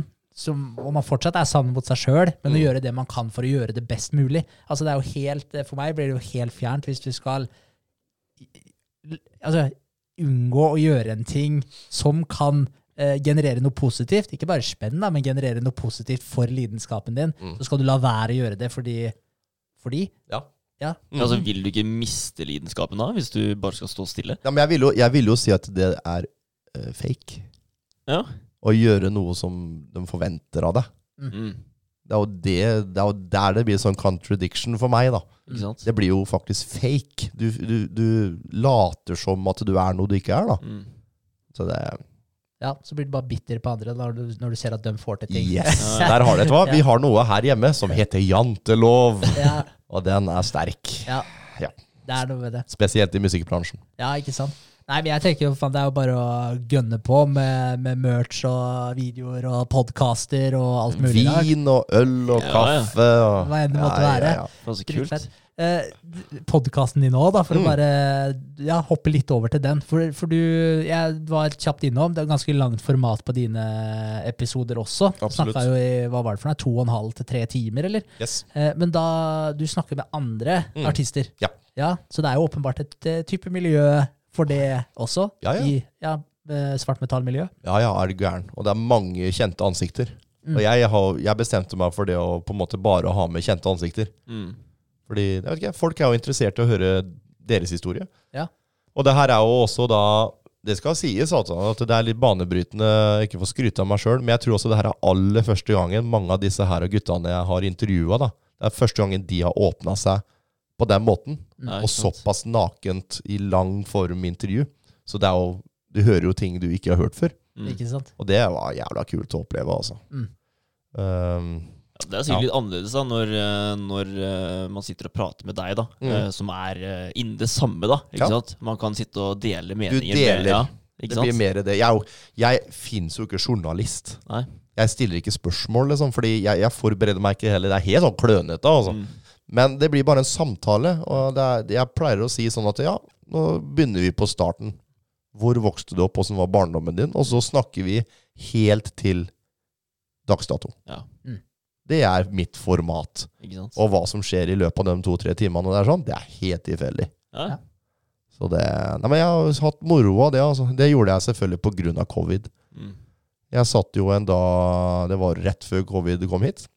Og da, så kom jo covid, da. Og da måtte vi avlyse vår første konsert, som var Bergen den helga. Og da satt jeg hjemme og sa hva skal jeg finne på nå, hvis det her strekker seg ut? Nei, faen, jeg prøver å spille inn podkast. Ja. Fordi jeg hadde jo blitt litt fan av formatet, da. Joe Rogan, selvfølgelig. Han har, vært, eh, han har hørt mye på. Ja. Og mye samtaler der jeg faktisk har hørt på opptil flere ganger om igjen også. Ja, ja, selv. Så det er litt idol der, da. Så jeg, da bestemte jeg for at jeg har lyst til å gjøre det han gjør. da. Bare preke løs og fast og ha long form, da. Ja. Og da begynte ballen bare å rulle. Det er fett, da. Og, Men, ja. men altså, når, når covid kom, da, eh, fikk du litt eh, panikk da, eller? Med tanke på altså, hva, hva skjer nå, faktisk? Kommer det til å ta lang tid før jeg kan spille igjen? Og Selvfølgelig. hvordan vil det her påvirke hverdagen min, da? Dritkjipt. Ja. Men jeg innså det med en gang at det er jo likt for alle. Ja, ja. Men vi har vært sinnssykt flinke i covid-tida, altså. Fordi vi, har, eh, vi var en av de første her, i hvert fall, tror jeg, som gjorde streamingkonserter. ja. Vi hadde jo et kamerateam, og så spilte vi live på YouTube, liksom. ja ikke sant? Ja, det var dritfett. Det er og det, den første, det, Jeg tror vi gjorde to, tre, fire sånne faktisk i løpet av de to åra. Men den aller første, det var spennende, altså. For jeg, jeg kjente jo det. Vi rigga på Vannvogna her i gågata, faktisk. Rigga helt mørkt lokale der, sånn. Scene, alt mulig. Full liksminke som vi brukte. Det var ordentlig konsert. Mm.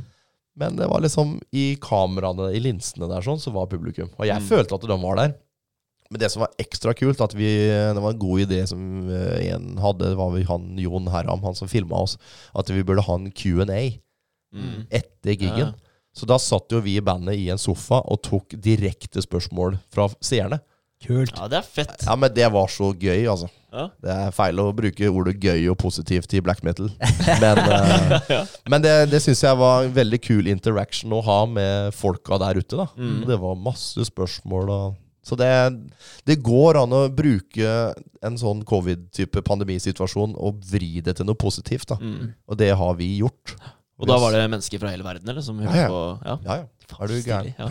Er kult. jeg det, er, det er dritfett. Men der har du jo forskjellen også, da, på suksess og det å feile. Altså, ja. se, ok, nå er vi i den situasjonen her. Akseptere at man er i den situasjonen her, Ja. og se hva kan jeg gjøre med den situasjonen her. Mm. Yes, du må Det se er- løsninger og ikke hinder. Det er akkurat det. Så det er, det er dritkult. Digger at dere hev dere rundt og kjørte den live-konserten live-konserten på YouTube. Det er ja, handlingskraft. Ja, ja. Og så har vi også gjort uh, sånne her uh, restriksjonskonserter, da, hvor det er liksom uh, folk må sitte og Vi, har, vi gjorde flere sånne. Ja. Mm.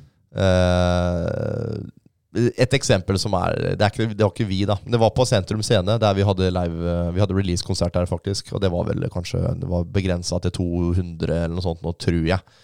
Folk da, Sentrum Scene tar jo 3000 eller noe, ikke sant? Mm. så det var relativt glissent. Men det er et kompisband, eller et annet norsk black metal-band, og jeg skal ikke nevne navnet, jeg, men eh, de hadde jo en samme type deal på samme sted, på Sentrum Scene, Mm. hvor det var 20 folk. Ja, Og det svære venue, liksom. ja, Det er på grunn av pandemireglene. Ja. ikke sant? Å, fy faen, det er like greit å bare drite i det, vet du. Ja, ja det, det må føles litt sånn uh, Hva skal jeg si? Litt tomt. Ja, Ja, Tomt er vel kanskje det blir riktig. eh, ja. Tenk, åssen, åssen er det å være han derre nummer 19 som sitter der ute, liksom? Og, Ja. Høre ekko bak deg. Ja.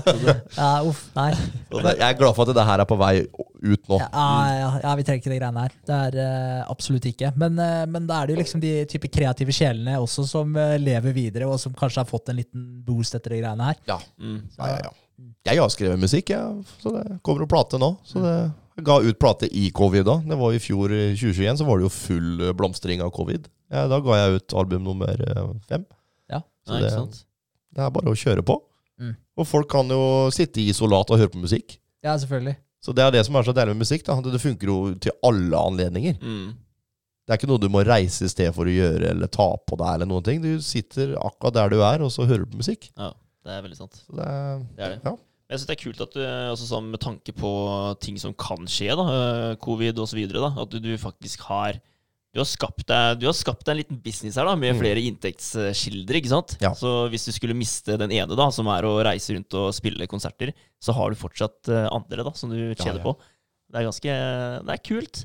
Det er det. Jeg er- tenker Det er vel ikke alle som gjør det, som er eh, Som spiller band. da. Nei, men altså, nei, jeg vet ikke. Det er som sagt en fordel at det er black metal. da Mm. Det er en såpass sær sjanger at det, greit, jeg kan Hvis gutta i bandet mitt bestemmer seg for å slutte i morgen da og ikke gidder å spille med meg noe mer, Mm. og kanskje ikke jeg finner noen nye medlemmer, så kan jeg fortsatt drive bandet.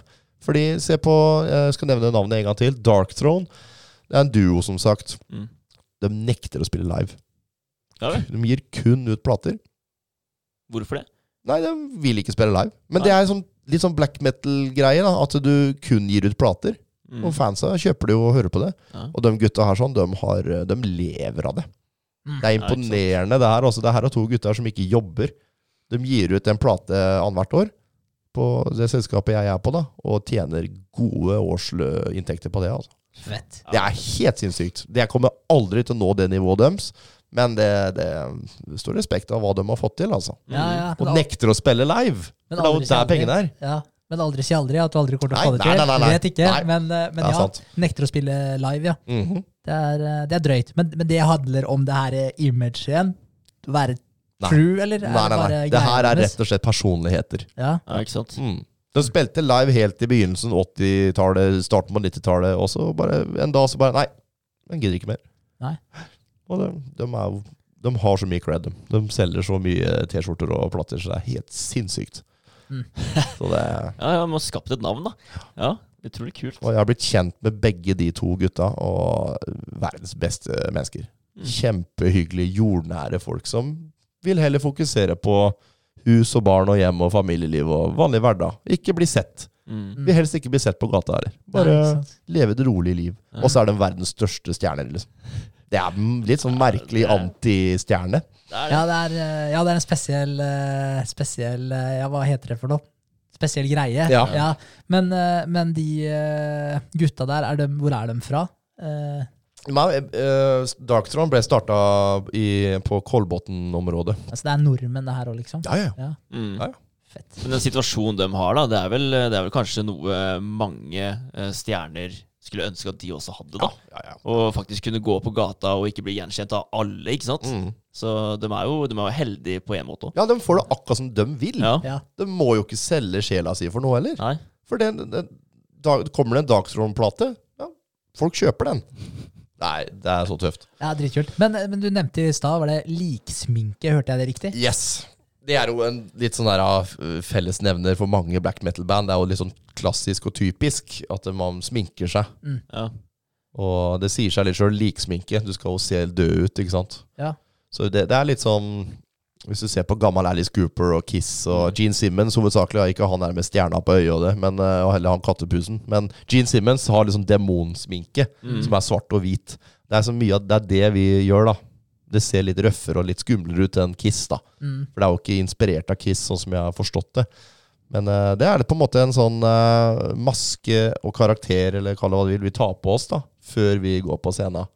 ja, ikke sant? Det, det, da blir automatisk så blir det en sånn om, uh, transformasjon da, som skjer når vi Det er et rituale. Mm. ikke sant? Fordi en time før vi skal på scenen, så må vi sette av tid til å komme inn i det der. da. Mm.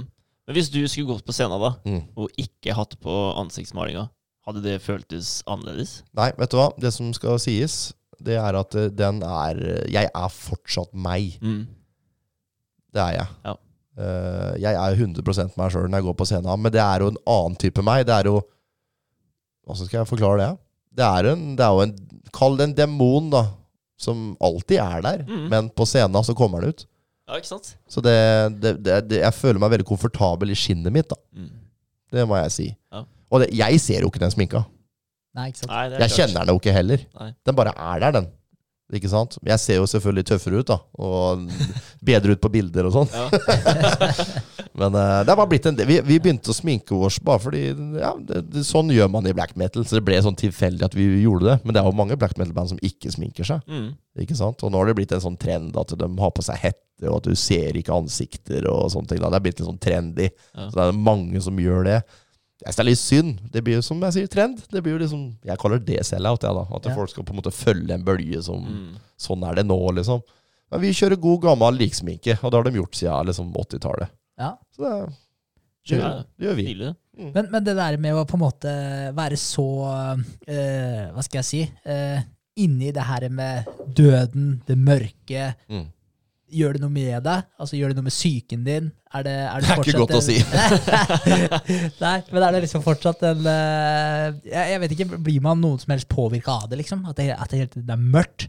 Jeg vet ikke, Nei. ettersom jeg er sånn og lever sånn. Mm. Så det er vanskelig for meg å svare på. Om du hadde tatt en uke, uke og hatt det mindsettet, så kanskje du kan svare på det. Mm. Det det er litt vanskelig å si. Jeg blir bare, Det er appellerende for meg, de mørkere uttrykka og stemningene og sånne ting. Jeg er jo ikke en depressiv person, men jeg syns det er tiltrekkende. Mm. Og det er øh, Jeg vet ikke. Det er noe som tiltaler meg, da. Og når jeg sitter og skriver dem, øh, det jeg kaller for dikta mine, da, så kommer det helt naturlig ut. Så det er jo tydeligvis noe jeg er skapt for å gjøre. Mm. Det er ikke sånn at jeg tvinger meg til å gjøre det. Så det, det er det som er så fint med Mork, at jeg har på en måte funnet meg sjøl. Ja. Mens Pale Kids-tida var sånn at der, da var det mer et jag. Mm. Hvem er vi? Hvor skal vi? Hvem vei er det her? Hvem retning går vi i? Og det ble litt sånn En situasjon jeg ble plassert i fordi tilfeldighetene var der. Mm. Ikke sant? Du vokser opp i en by, og så møter du andre gutter som spiller instrumenter, og så begynner du å spille sammen, og da blir det en sånn felles greie at der, man gjør bare det som tilfeldigvis skjer, ikke sant? og det er ikke nødvendigvis det man egentlig brenner for, Mm. hvis du skjønner hva jeg mener. Ja. Så det, det var egentlig sånn i mange, mange år.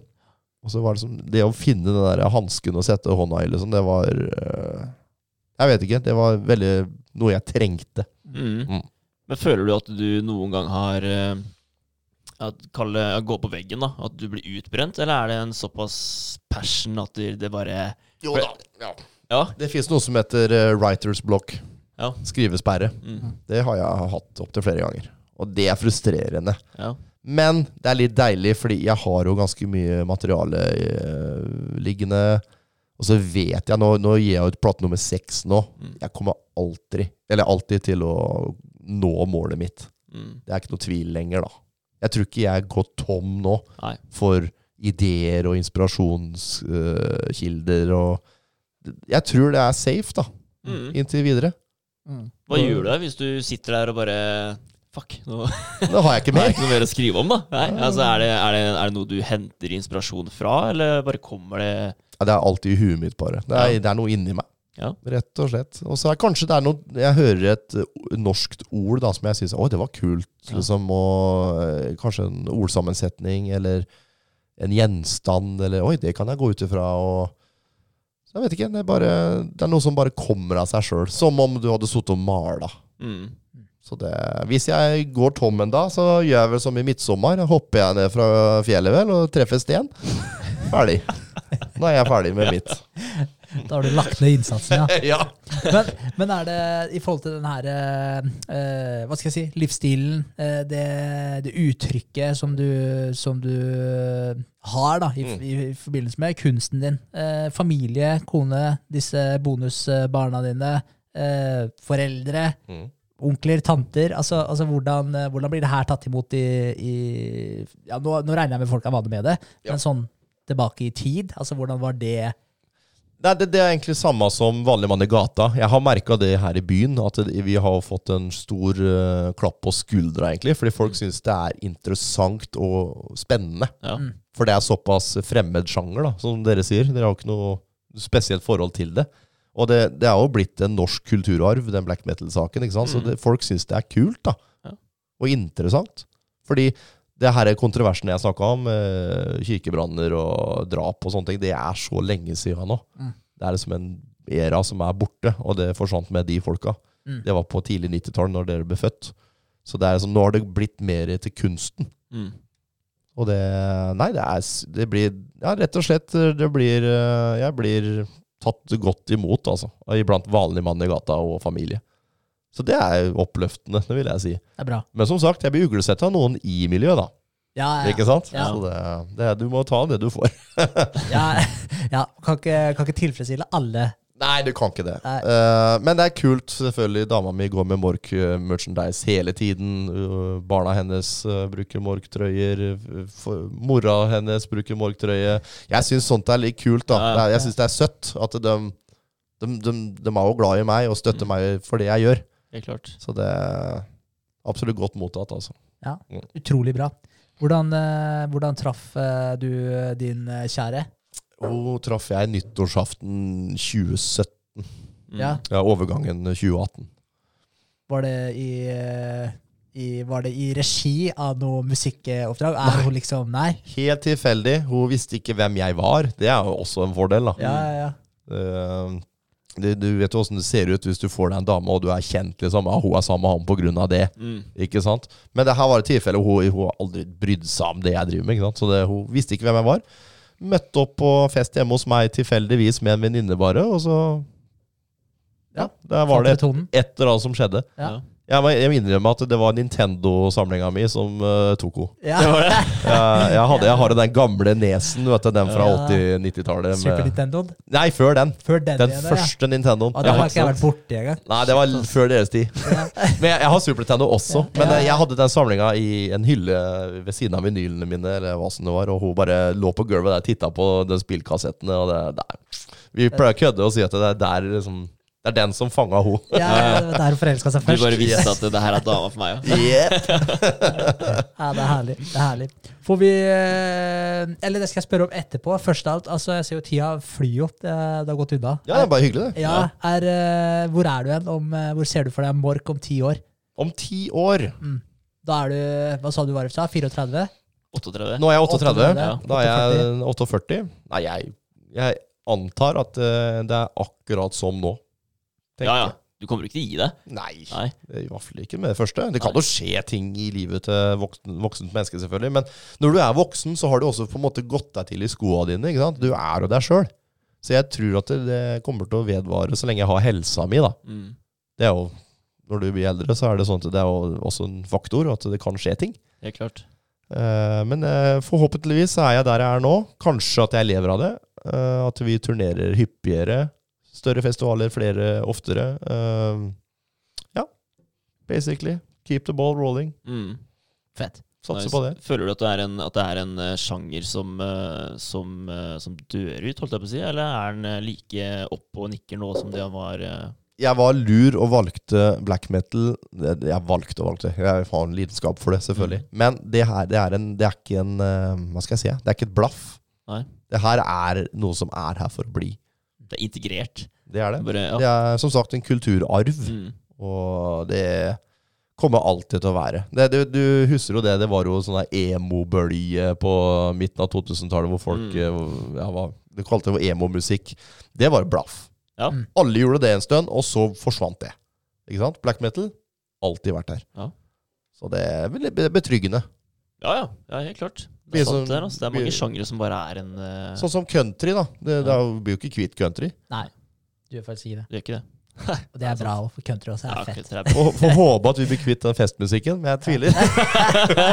Ja, den, har nok kommet for å bli det. da. Det er kanskje. Ja. Folk liker å feste. Absolutt. Men uh, til syvende og sist, da, er det, er det muligheter for oss å avslutte sånn uh, Få klippa på en sang på slutten her, eller så folk kan høre musikken din, eller Ja. er det noen rettighetsgreier? Nei, det er jeg er helt sikker på at det går bra. Jeg Fett. kan selvfølgelig sende dem en e-post og spørre, men jeg Ja. tror ikke det er noe problem. Nei? Det ordner vi. Hva er, eh, hvilket, eh, hvem, hvilken sang er det som burde havne på slutten her? Du- Nå ber de meg om å velge hva som er favorittungen min i kullet mitt, liksom. Oh, ja. Ja. Men eh, vet du hva, vi kan si det er jo den låta som ligger på toppen av Spotify, da, som alle har hørt flest ganger. Det er jo en låt som jeg er veldig stolt av, som er eh, primitiv og sinnssykt enkel, men jeg mener på at jeg har truffet en fin nerve der, da, som er litt sånn, hvis jeg får lov til å si det, litt genialt. Mm. For det er såpass enkelt. Det er en låt som heter På tvers av tidene. Som er grandios, stor, eh, veldig stolt. Det er noe som sjangeren handler om for meg. Det er veldig mye styrke og tro på individet. At du hever deg sjøl og sånne ting. Så På tvers av tidene kan du godt spille på slutten her, sånn tenker jeg. ja. Da tenker jeg vi lar det være outro-låta. Ja, det tenker jeg òg. Kult. Ja. Utrolig kult. Takk for uh, besøket, Thomas. Vet du Ja, takk Takk for at du dere faktisk inviterte meg. Jeg fant dere som sagt på Google Earth. At det var en pod Hvem er det som finner en podkast på Google Earth? Jo. Thomas Eriksen gjør det. Og da måtte jeg bare ta kontakt med dere, for jeg syns det var spennende. Jeg hørte selvfølgelig Jeg har hørt et par episoder dere har gjort. Mm. Spesielt eh, jeg hørte jo det med Trond Atle. Jeg, Ja. Han er jo en gammel kamerat av meg. Spilte inn uh, forrige musikkvideoen til Mork, faktisk, som dere også kan sjekke ut. Som heter uh, 'Født til å herske'. Stilig. Så det er han som har gjort. Ja, Så det er hyggelig å møte dere. Utrolig Ja. fett. Likeså. veldig bra. Takk for praten. Takk for praten. Ha det bra. Ha det godt.